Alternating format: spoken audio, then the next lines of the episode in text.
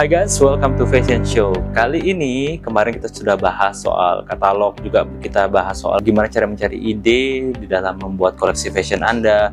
Kalau kalian belum nonton, nonton ya di video sebelumnya. Nah, sebelum kita membuat katalog, ada yang namanya proses photoshoot.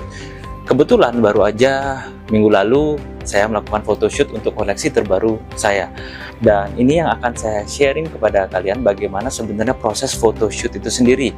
Enggak semudah membalikan telapak tangan. Karena proses dari persiapan photoshoot itu harus dilakukan jauh-jauh hari.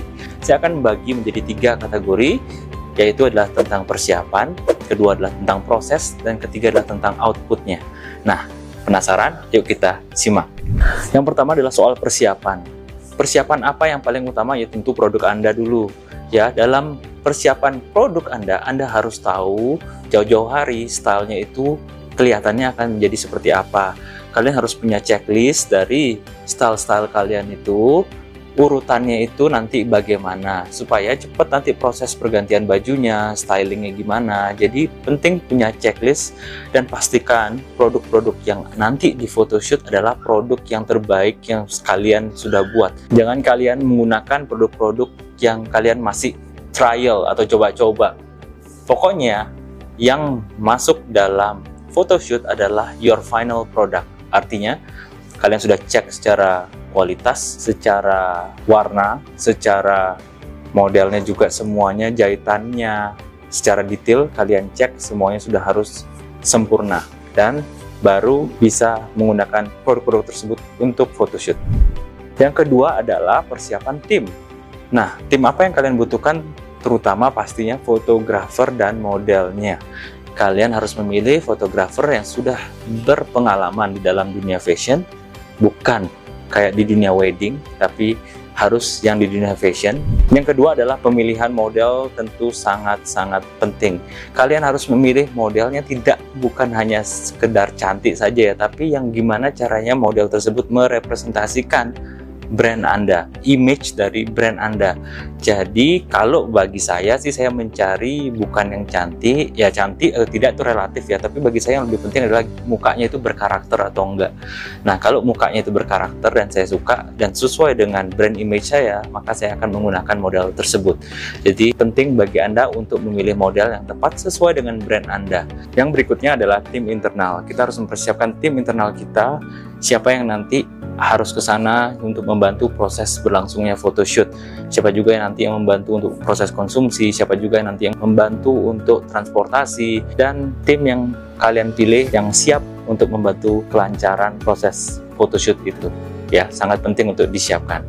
Nah, ini semua kalian harus rampungkan secara tim. Jadi kalau untuk fotografer dan model, kalian harus deal-dealan harga, kalian harus atur schedule waktunya, kapan mau melakukan photoshoot sehingga persiapannya itu bisa matang. Itu yang penting dalam sisi produk dan tim.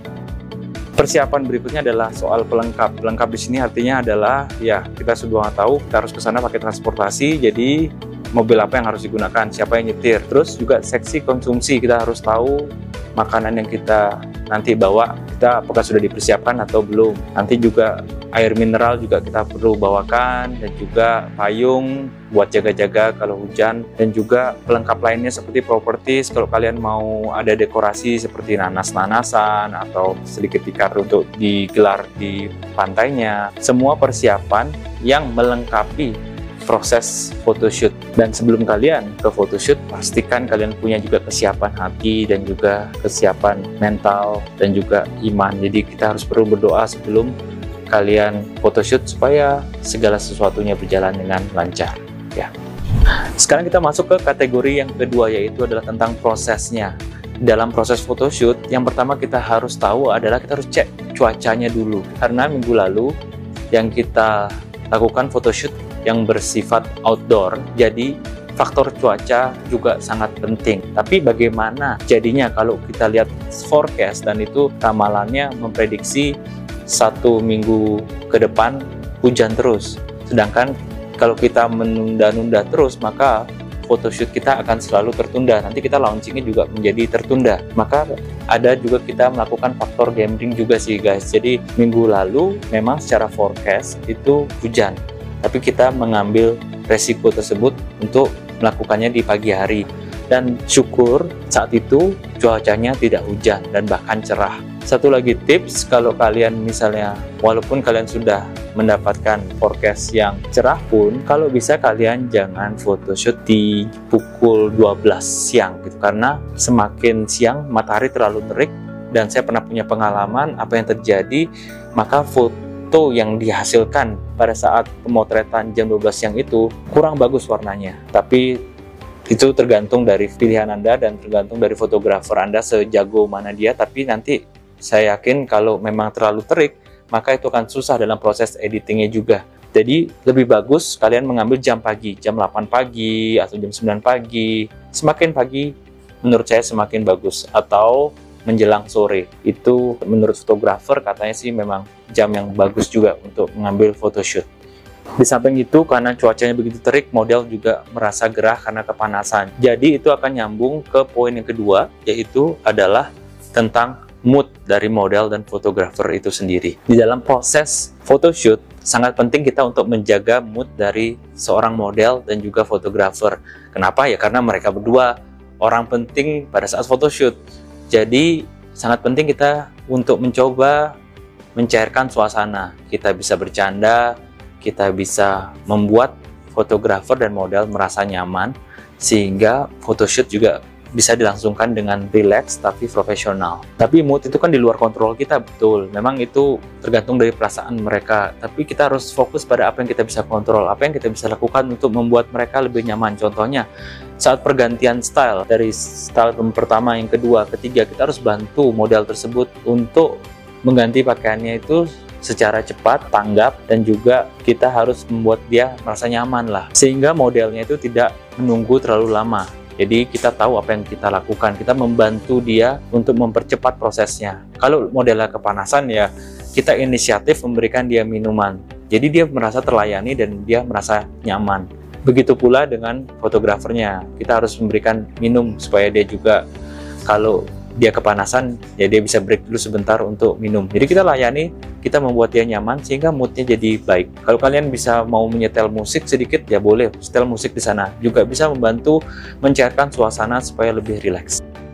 Yang ketiga adalah dalam prosesnya speed is matter guys. Artinya apa? Kita tahu bahwa model itu kalau kita hire itu ada jam-jamnya. Jadi kadang-kadang bisa hire 4 jam, kadang-kadang bisa hire 8 jam. Kalau lebih dari itu biasanya kita dikenakan cas. Nah, jadi penting untuk memaksimalkan dalam waktu 8 jam atau 4 jam itu semua koleksi kita dapat difoto supaya tidak ada yang miss. Kalau nggak gitu kalian nanti rugi bayar modelnya. Jadi penting untuk soal kecepatan di sini, makanya tadi pentingnya punya checklist dan urutan style tuh adanya di sini guys, dan juga punya tim yang tanggap. Jadi bisa cepat dan juga semua koleksi kalian itu dapat difoto. Dalam proses photoshoot jangan lupa Anda bisa mengambil konten untuk Instagram Anda, untuk sosial media Anda. Anda bisa mengambil konten berupa BTS yaitu behind the scene supaya kalian bisa mempromosikan koleksi terbaru kalian sebelum koleksi baru itu keluar. Jadi dengan nanti di edit dengan hitam putih membuat orang jadi penasaran sehingga mereka pun menunggu koleksi Anda. Dan kategori yang terakhir adalah outputnya. Nah, Anda bisa selalu melihat dulu hasil jepretan yang pertama dari fotografer tersebut sehingga Anda bisa adjust, oh bagus atau enggak, oh ada yang perlu di-adjust enggak, misalnya contohnya oh propertinya kayaknya kurang bagus gitu, mungkin kita harus taruh kayak daun-daunan atau kerang-kerangan atau apa pun itu yang membuat secara visual jadi tampil menarik. Dan selesainya foto shoot bukan berarti kerjaan tentang foto selesai.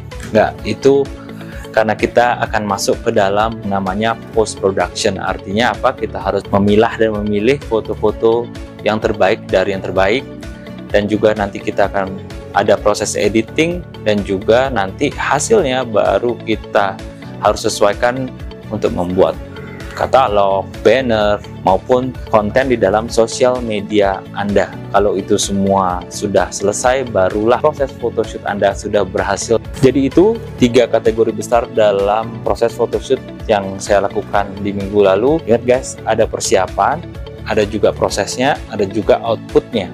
Perhatikan ketiga hal itu dan kuncinya di sini adalah semakin detail semakin bagus. Jadi persiapan Anda harus sematang-matangnya, sedetail-detailnya dan semoga hasilnya juga memuaskan.